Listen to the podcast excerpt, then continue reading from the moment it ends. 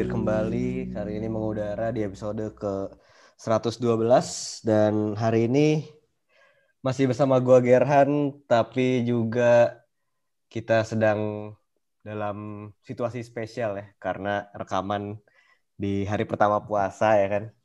Jadi kita bakal mungkin nanya dulu ke Adrian sama Reja gimana puasa pertama dari Ludri mungkin Dri. Uh, puasa pertama kayaknya sedikit lebih seru ya daripada tahun kemarin kayaknya gara-gara ya maksudnya kita udah nggak harus selalu di rumah lagi walaupun tetap masih terbatas aktivitasnya. Cuman kayaknya tahun ini lebih gampangan tuh kayaknya gitu. kayak dari tahun ke tahun ngantuk tuh selalu menjadi hal yang tidak terpisahkan kayak dari puasa. Lu gimana aja? ya mungkin karena situasi masih kayak gini mungkin gua kebanyakan puasa sih bakal diteruskan ketika jam 12 ke atas sih. Paling itu dari sahur, tidur, juhur, baru nyambung. Jadi puasa setengah hari gitu. Iya bener, mantep ya. Kan ibadah juga tidur ya. Iya. Cuman emang beda ya. Musim lalu tuh kita kayak bener-bener satu bulan ya. Nggak, nggak rekaman kan pas puasa ya karena emang iya nggak ada bola juga anjir iya bener nggak ada bola juga. Dan sekarang seenggaknya masih ada bola lah buat sahur gitu nemenin kan. Udah ada Liga Champion juga. Dan pas banget nih malam ini kita rekaman Liga Champion main ada Bayern lawan PSG terus besok Dortmund ya. Uh, di episode kali ini kita bakal ngomongin apa nih Ja? Tentu aja kita bakal ngebahas yang sedang panas-panasnya baru saja muncul beritanya sore ini. Kayaknya setiap kita rekaman tuh selalu muncul berita yang menghebohkan gitu ya. Iya bagus banget, tepat sekali berarti ada rekaman. Iya. Ada Adolf Hutter alias Adi Hutter yang baru aja meresmikan kepindahannya ke Borussia Mönchengladbach musim depan untuk menjadi penerusnya Marco Rose dan juga mungkin ada sedikit rumor tentang para pelatih Bundesliga karena emang saat ini banyak kursi yang masih kosong dan juga ada kisruh di Bayern yang mungkin nanti bisa menimbulkan efek domino terhadap pelatih-pelatih lain. Iya, jadi kita bakal recent update ke beberapa berita tentang pelatih-pelatih yang lagi rame sih emang belakangan ini kayak kita udah berapa episode nih bahas pelatih mulu nggak kelar-kelar. Dan di segmen kedua ini khusus sih, khusus karena mungkin uh, untuk menghibur Adrian ya kita bakal bahas tentang pemain Dortmund dan akademi Dortmund karena kemarin kayaknya Dortmund sudah melahirkan sosok pemain muda baru dengan nama Ansgar Knauf ya kan yang mungkin ya bisa menjadi sedikit gambaran lah kenapa sih si Dortmund ini melahirkan talenta-talenta muda itu banyak banget kayak dari dulu kan. Dan sebelum ke sana kita bakal recent update sedikit tadi yang udah disinggung soal dari mana dulu enak ya? Kayak dari beberapa hari yang lalu dulu sih, jangan yang terbaru dulu. Beberapa hari yang lalu ada berita lah, berita kisruh soal Hansi Flick versus siapa? Brazo. Brazo, Hasan Salihamidzic. Dan ini cukup menjadi ramai ya diperbincangkan di Twitter-Twitter Bayern. Kabarnya memang karena uh, si Brazo lawan Hansi ini karena emang keduanya sih nggak katanya si Lothar Matos emang udah nggak cocok lagi entah dari pemikiran sampai ke squad planning itu emang udah berbeda banget. Cuman yang jadi makin apa ya riuh lagi uh, antara kedua hubungan mereka ini itu karena kemarin sebelum melawan PSG leg pertama si siapa? Brazo itu nggak ngasih kontrak ke Boateng padahal Hansi Flick pengennya itu Boateng tetap stay kan kalau menurut lu nih, Ja, ini apa yang menjadi solusinya ya? Maksudnya apakah harus salah satunya harus cabut gitu kayak kalau kata Lothar Matthäus sih uh, kemungkinan Hansi Flick yang cabut nih. Kalau gue lihat sih ini apa ya situasinya kurang menguntungkan buat pihak Brazo dan klub gitu karena kalau gue lihat sekarang kalau lihat kita lihat kubunya gitu ya Brazo ini lebih dekat ke klub kan karena masanya dia juga di Bayern lebih lama gitu. sedangkan Hasifri kan baru satu setengah tahun lah ibaratnya. Jadi gue rasa nggak menguntungkan karena situasinya Flick nih sekarang menguntungkan banget buat bergeningnya gitu. Karena uh, musim lalu Bayern treble terus sekarang juga posisi pelatih timnas Jerman belum ada yang ngisi. Jadi seandainya dia cabut dari Bayern pun dia bisa langsung dapat pekerjaan baru yang notabene ya setara lah timnas Jerman sama Bayern sedangkan kalau dari pihak Bayern sendiri menurut gua ya kalau misalnya mereka yang masih pengen nerusin dengan hasil Flick ya mau nggak mau harus nurutin permintaannya termasuk ya yang agak ramai belakangan ini kan selain Jerome Boateng kan udah pasti tuh. Salah satunya Thiago Dantas kan si Hansi Flick pengen mempermainkan Thiago Dantas sedangkan Brazil dan Boateng tuh nggak percaya nih pemain apakah cukup baik untuk Bayern atau enggak tapi kalau kita lihat dari satu pertandingan kemarin lawan Union sih menurut gua cukup solid sih untuk pemain yang masih muda dan emang uh, ini bakal merugikan apa ya secara kalau dari fans sih mungkin pasti condongnya ke Hansi ya. Lihat dari gimana pencapaiannya Hansi Flick itu di masa-masa kritisnya Bayern, mereka bisa jadi bangkit lagi karena Hansi Flick. Cuman ya untuk Brazil sendiri benar sih kata lo emang kayak dia lebih dekat ke si klubnya. Terus uh, Menurut lo, apakah ini bisa jadi alasan nih untuk Hansi Flick untuk cabut dan ngelatih ke timnas Jerman musim depan? Uh, bisa banget sih karena gimana ya kalau pelatih itu punya visi misi yang berbeda dengan uh, para petinggi klub misalnya kayak di kasus ini Brazo ya akan sulit juga untuk mengimplementasikan apa yang mereka inginkan gitu dalam hal ini misalnya kalau gue sih uh, sempat baca juga transfer musim ini juga membuat Hansi Flick tuh agak kesel juga sebenarnya sama para petinggi-petinggi di Bayern karena uh, dia bilang kalau skuad Bayern musim lalu itu lebih kuat daripada skuad Bayern musim sekarang gitu. Berarti kan ada penurunan kualitas pemain gitu. Udah di DFB Pokal keluar, udah kalah, di Liga Champions juga terancam gugur. Ya berarti kan Bundesliga pun masih bisa dikejar sama RB Leipzig. Jadi gue sih bisa bilang memang Bayern mengalami penurunan di musim ini. Nah, itu juga yang bisa menjadi trigger buat uh, oleh Hansi Flick untuk ya setidaknya punya apa ya waktu negosiasi itu dia bisa uh, menarik Borte Bayern itu untuk uh, ikutin caranya dia atau enggak gitu. Tapi kalau misalnya ya, uh, Bayern itu lebih condong ke sisinya Brazo, gue sih sangat uh, melihat uh, kemungkinan yang besar ya kalau Hansi Flick uh, harus keluar dari Bayern dan menangani timnas Jerman.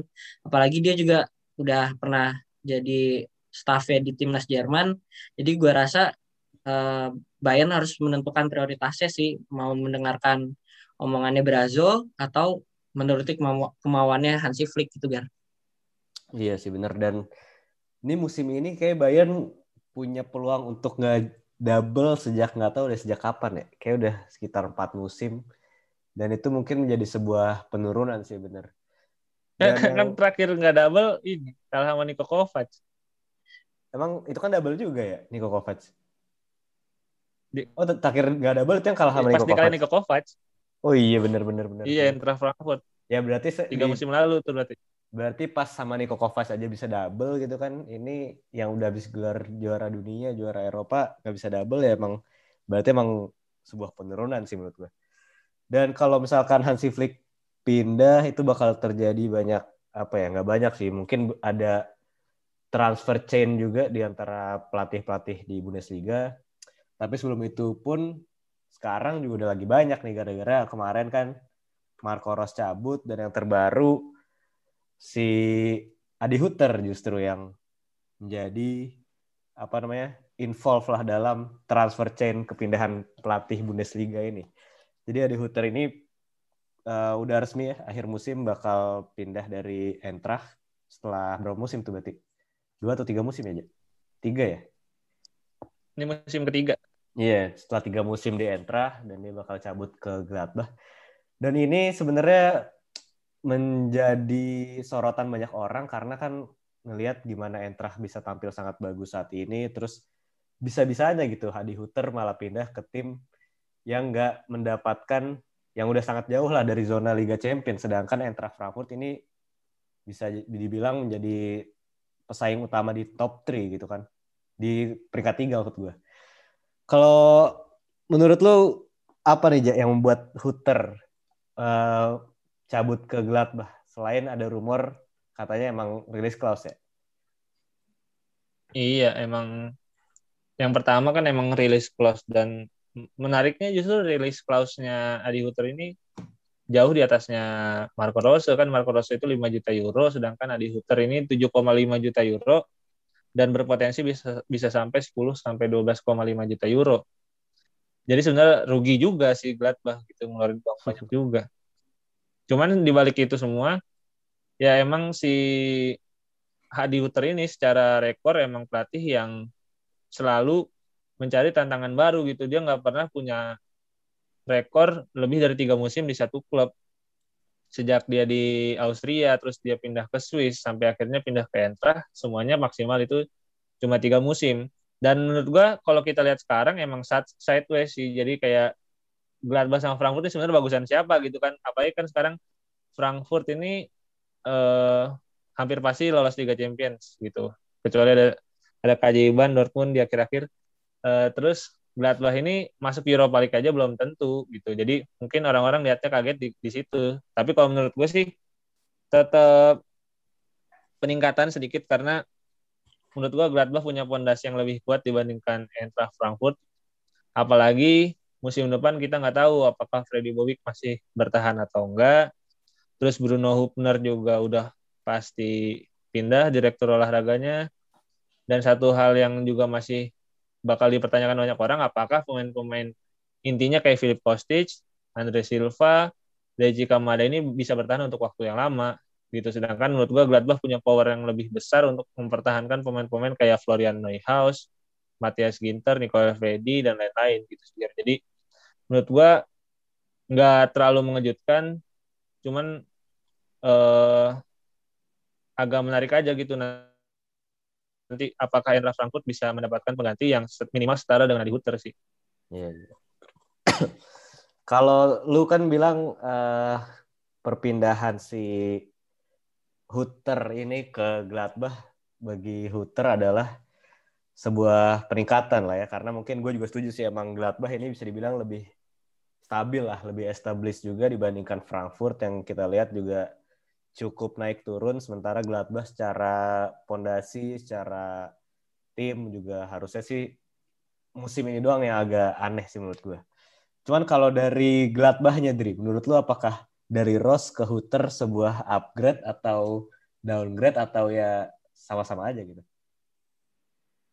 Aduh, gimana ya? Gue sih ngelihatnya ini sedikit downgrade sih, karena uh, bukan karena Adi Hutternya yang jelek, cuman uh, nama Marco Ros ini kan memang sudah udah tinggi lah, udah lama. Gitu. Sedangkan Adi Hutter dua musim pertama di Frankfurt, walaupun bagus untuk ukuran Frankfurt, cuman masih kalah lah kalau sama Marco Ros. Cuman yang gue ngeliat sih kenapa Gladbach itu rela ya sampai nebus rilis clause tujuh setengah juta euro sampai nombokin gitu kan. Hmm. Itu karena mungkin uh, kemampuan ini sih Adi Hutter untuk memaksimalkan pemain yang udah ada ataupun mendatangkan pemain yang uh, baru sesuai dengan skemanya itu bagus gitu. Misalnya kayak di Frankfurt ada Erik Durm, ada Sebastian Rode, ada Jibril Sal. Ini tuh benar-benar pemain yang kita nggak pernah dengar, cuman bisa langsung masuk ke skema tim. Uh, terutama mungkin di lini depan ya ada Daichi Kamada yang sukses ya bisa dibilang menggantikan perannya Ante Rebic terus Andre Silva yang gagal di Milan jadi bagus lagi di Eintracht jadi menurut gua uh, ini langkah yang tepat sih dari Gladbach walaupun ya kalau balik ke pertanyaan tadi uh, kualitas Adi Hutter menurut gue masih belum uh, semumpuni uh, Marco Ros cuman Gladbach menunjuk uh, Adi Hutter udah langkah yang tepat sih. Wah ini hot text nih ja. Apakah kalau menurut gue sih soalnya Hutter uh, sedikit down upgrade sih dibandingkan Marco Ros. Cuman ya gue juga setuju mungkin uh, Frankfurt mungkin bakal kesulitan juga sih musim depan uh, untuk mempertahankan bintang-bintang ya sedangkan yang lo bilang tadi si Reja bilang kalau Gladbach ini punya kemampuan lah seenggaknya untuk menahan uh, pemain-pemainnya gitu. Uh, mungkin dari sisi Frankfurtnya nih kita belum ngebahas mungkin siapakah yang cocok gitu untuk gantiin perannya Adi Huter yang selama tiga musim udah bisa dibilang ini sangat overachieve lah menurut gue. Nggak ada yang nyangka-nyangka kan sebelumnya bisa lolos ke semifinal Europa League, terus musim ini bisa bertengger di posisi tiga itu udah sangat overachieve gitu. Menurut lo siapa nih Ja penggantinya kalau dari uh, rumor sih baru banget sekitar setengah jam yang lalu gue baca uh, nama besar itu ada Ragnik sama Tedesco nih. Uh, ini Endra tuh dua pelatih terakhirnya benar-benar underrated dan overachieve gitu kan Niko Kovac dan hmm. Adi Hutter gitu. Uh, sedangkan menurut gua kalau mereka bisa datengin Raf Ragnik kan ini tipikal yang sangat berbeda gitu. Dia udah di red sama satu dunia lah Raf Ragnik sebagai salah satu pelatih terhebat saat ini. Uh, cuman yang mereka kalau dia bener ke Entra bisa jadi dia bakal ngegantiin Adi Huter dan Freddy Bobic sekaligus gitu. Jadi kayak tahun terakhirnya di RB Leipzig dia jadi sporting director sekaligus jadi pelatih. Nah, ini yang bakal menarik karena kita nggak tahu nanti kebijakannya bakal kayak gimana di Entra dan menurut gue Entra nggak sestabil tadi kayak kata lu nggak sestabil ketika dia di RB Leipzig uh, dana yang didapatnya juga belum tentu sebanyak ketika di RB Leipzig jadi mungkin itu yang akan menarik sih kalau misalnya mereka beneran datangin Raf Ragnik cuman kalau lu tadi nyebut nama Domenico Tedesco, ini sebenarnya yang profilnya menurut gua lebih cocok dengan Endra Frankfurt sih, karena hampir mirip juga dengan profilnya Niko Kovac ketika dia pertama kali datang ke Frankfurt.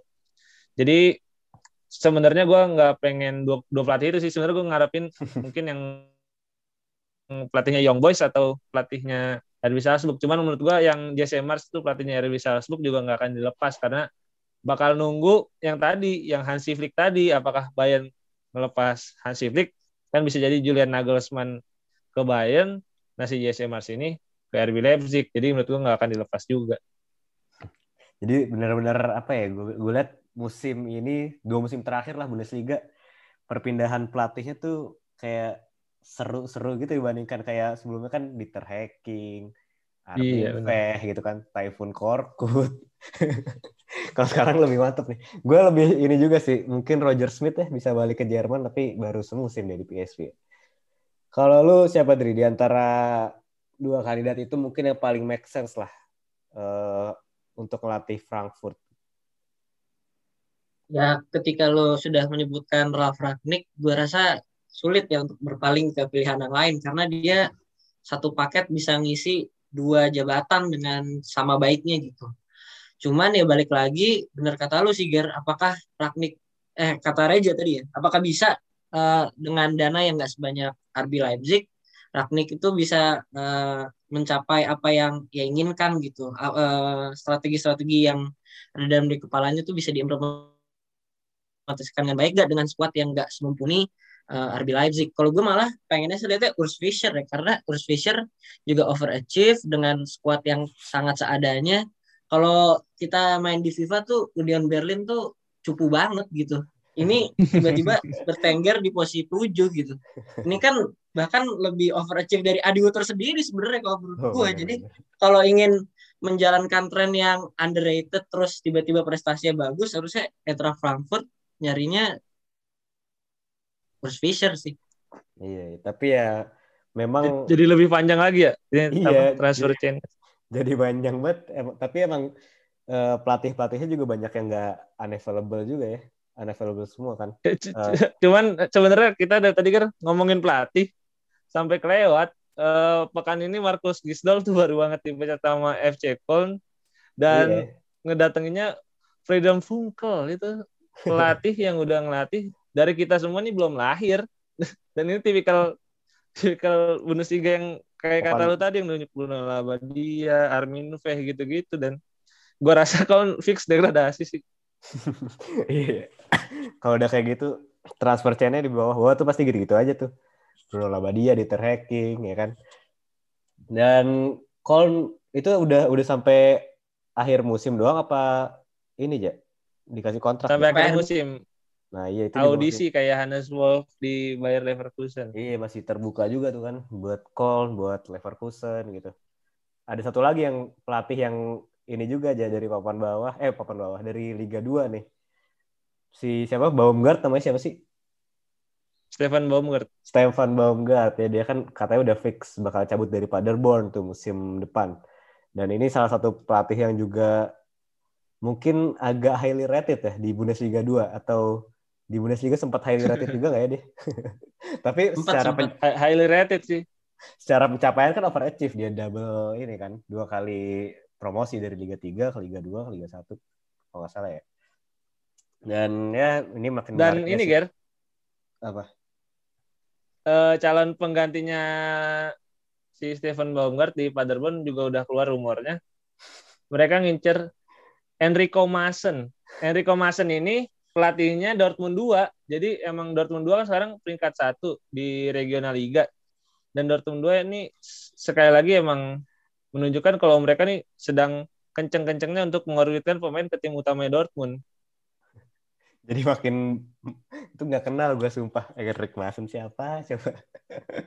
Cuman ya menarik sih Dortmund 2 emang secara apa ya berarti kalau kayak gitu eh, regenerasi secara pelatih terus juga dari pemain-pemainnya juga emang dari dulu emang udah sangat baik gitu kan dan ya seperti yang udah kita lihat di akhir pekan kemarin ada nama satu pemain yang juga mencuat itu ada Ansgar Knauf ya kan yang kemarin cetak gol.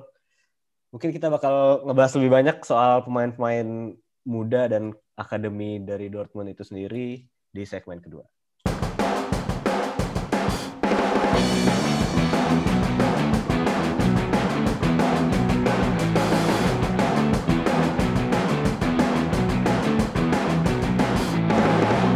Jadi Adrian sekarang mungkin situasi hatinya cukup senang karena Dortmund akhirnya bisa menang lagi minggu ini. Walaupun dengan sulit sekali sampai akhirnya menit-menit akhir juga yang menyelamatkannya seorang pemain berusia 19 tahun Ansgar Knauf gitu. Ya tapi secara overall sebenarnya Dortmund main biasa aja Dri ya. biasa dan ya sebenarnya di bawah Edin Terzic ya mainnya begitu ya, terbiasa jadi udah biasa terus menjadi terbiasa gitu filosofis sekali ternyata nih Adrian. Jadi uh, Ansgar Knauf ini bisa menjadi pembeda di pertandingan, pertandingan itu.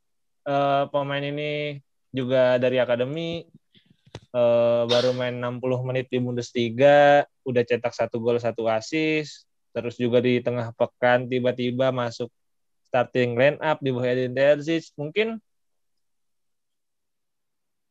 kalau dia main di Premier League nih hype-nya udah setinggi Raheem Sterling pas main di Liverpool kali ya, Ger? ya? Ya enggak juga sih, enggak segede itu sih. Kayaknya mungkin se siapa ya? Raheem Sterling sama Phil Foden tinggian mana tuh? Oh, se ini sih ya paling se Ian Phil Foden lah se Bortwick Jackson lah. Tinggal Sterling dulu. Anjir, Bortwick Jackson gak pernah cetak winning goal, Ger. Nih, Tapi cetak asis tuh berapa goal. kali tuh dia? Iya sih. Eh, cuman ini kembali menimbulkan ekspektasi dari para penggemar Dortmund karena sekali lagi Dortmund bisa melahirkan talenta muda nih. Ap- Apalagi musim ini udah banyak banget di Dortmund khususnya dari gelandang ke pemain depan ada Ansgar Knauf, Erling Haaland, Jadon Sancho, Gio Reyna, Jude Bellingham, terus Stefan Tigges tuh yang sempat main juga. Jadi lu sebagai fans Dortmund nih, Dri, apakah cukup bahagia ini menjadi kesempatan di dalam kesempitan buat para pemain muda ini atau justru was-was karena dengan munculnya para pemain muda ini malah Dortmund nggak belanja lagi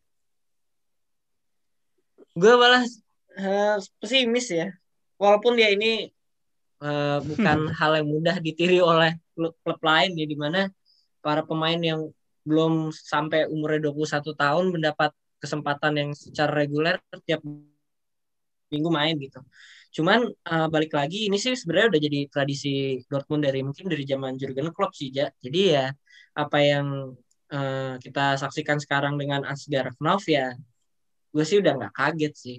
Cuman yang gue agak kaget adalah di musim yang biasanya krisis, kayak maksudnya di mana Dortmund itu mengalami penurunan performa justru di situlah para pemain muda itu uh, ditelurkan gitu loh. Ini anehnya gitu di situasi yang mungkin nggak begitu bagus pemain muda uh, diturunkan malah mendapat exposure-nya oke terus juga terbukti berhasil gitu.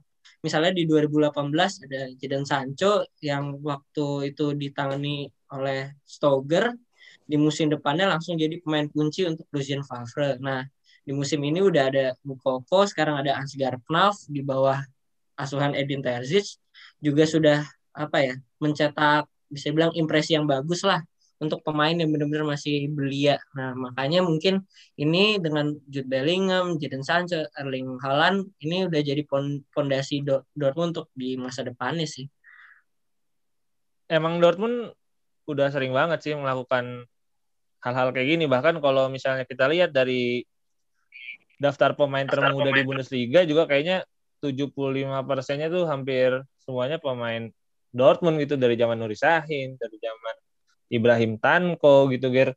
Tapi yang menurut gua menarik kan emang Dortmund ini tim dengan filosofi kalau lu cukup uh, bagus, lu cukup matang, maka lu cukup tua untuk bermain gitu. Cuman kalau menurut lu apakah ini filosofi yang uh, baik untuk bermain di liga seketat Bundesliga di mana tim-tim bisa naik dan turun cepet banget gitu, Ger?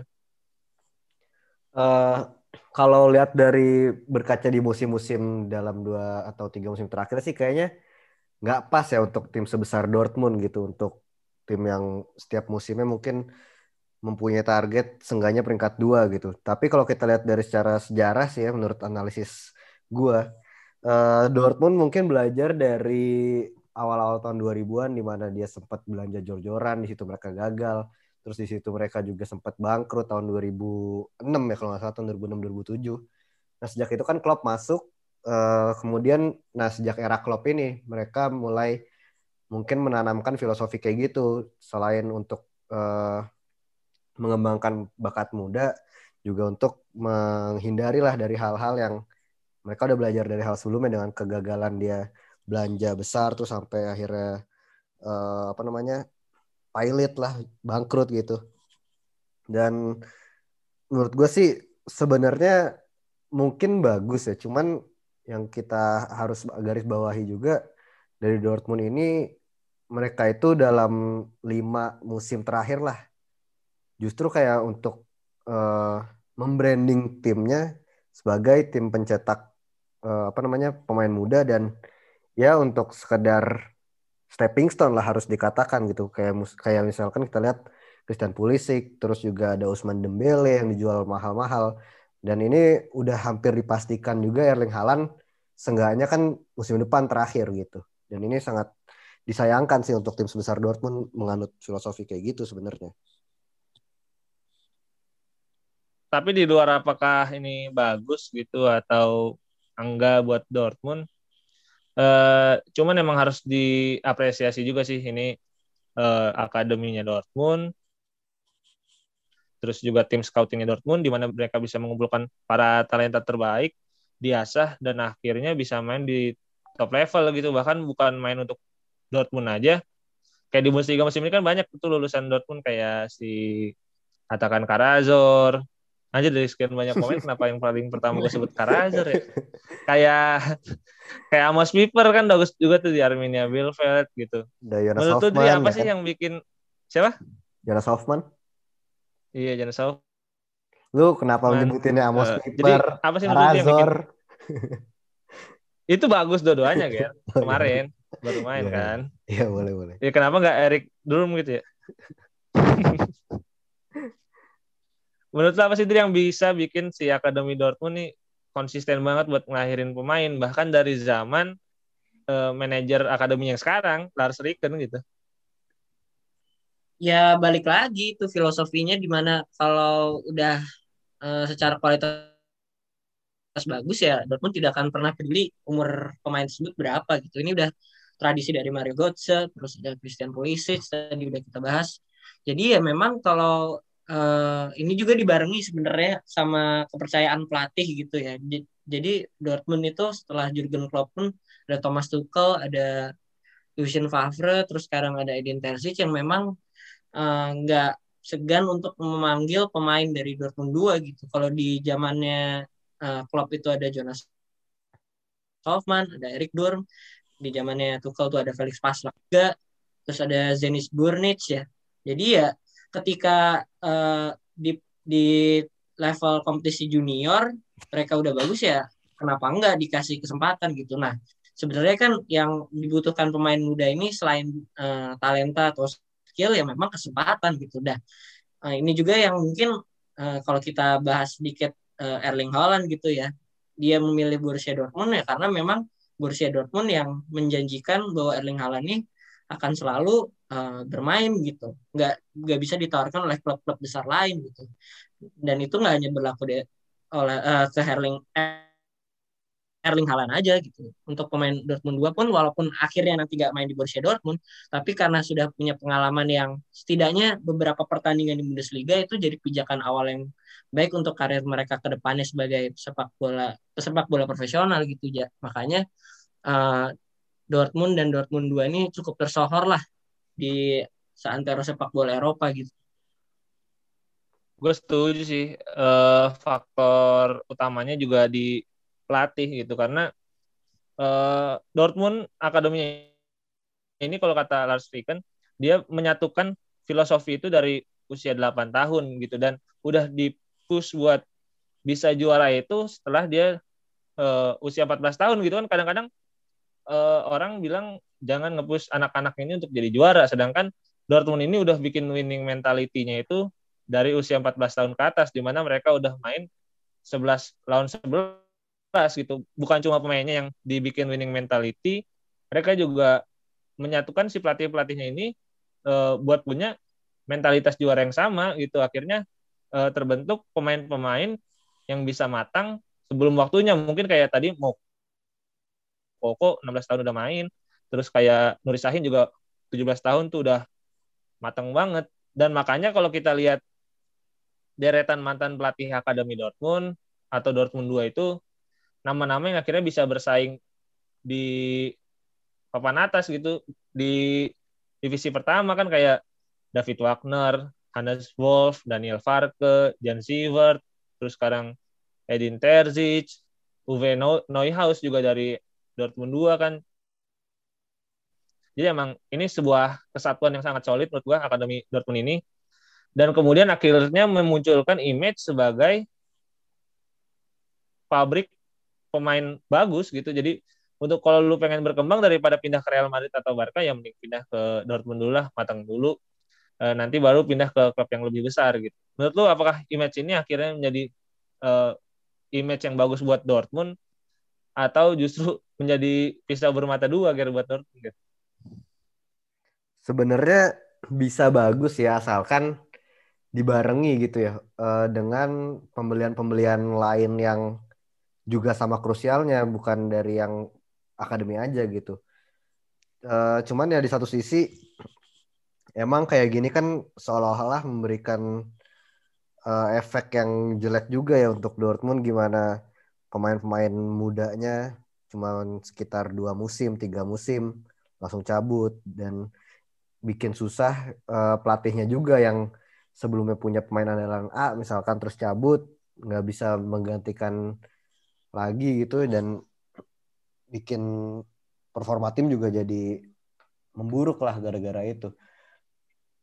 Cuman kalau secara overall menurut gue uh, harusnya sih Dortmund bisa lebih baik lagi ya di, di transfer mendatangkan pemain-pemain yang cukup apa berpengalaman dan punya impact besar untuk tim. Sebenarnya kalau gue lihat dalam dua musim terakhir sebenarnya Dortmund itu udah sangat bisa banget sebenarnya untuk jadi juara gitu menurut gue dengan pembeliannya yang kayak Erling Haaland terus dibarengin dengan pembelian pemain matang macam Axel Witsel terus Emre Can. Cuman nggak tahu kenapa ya malah dari pelatihnya yang gembel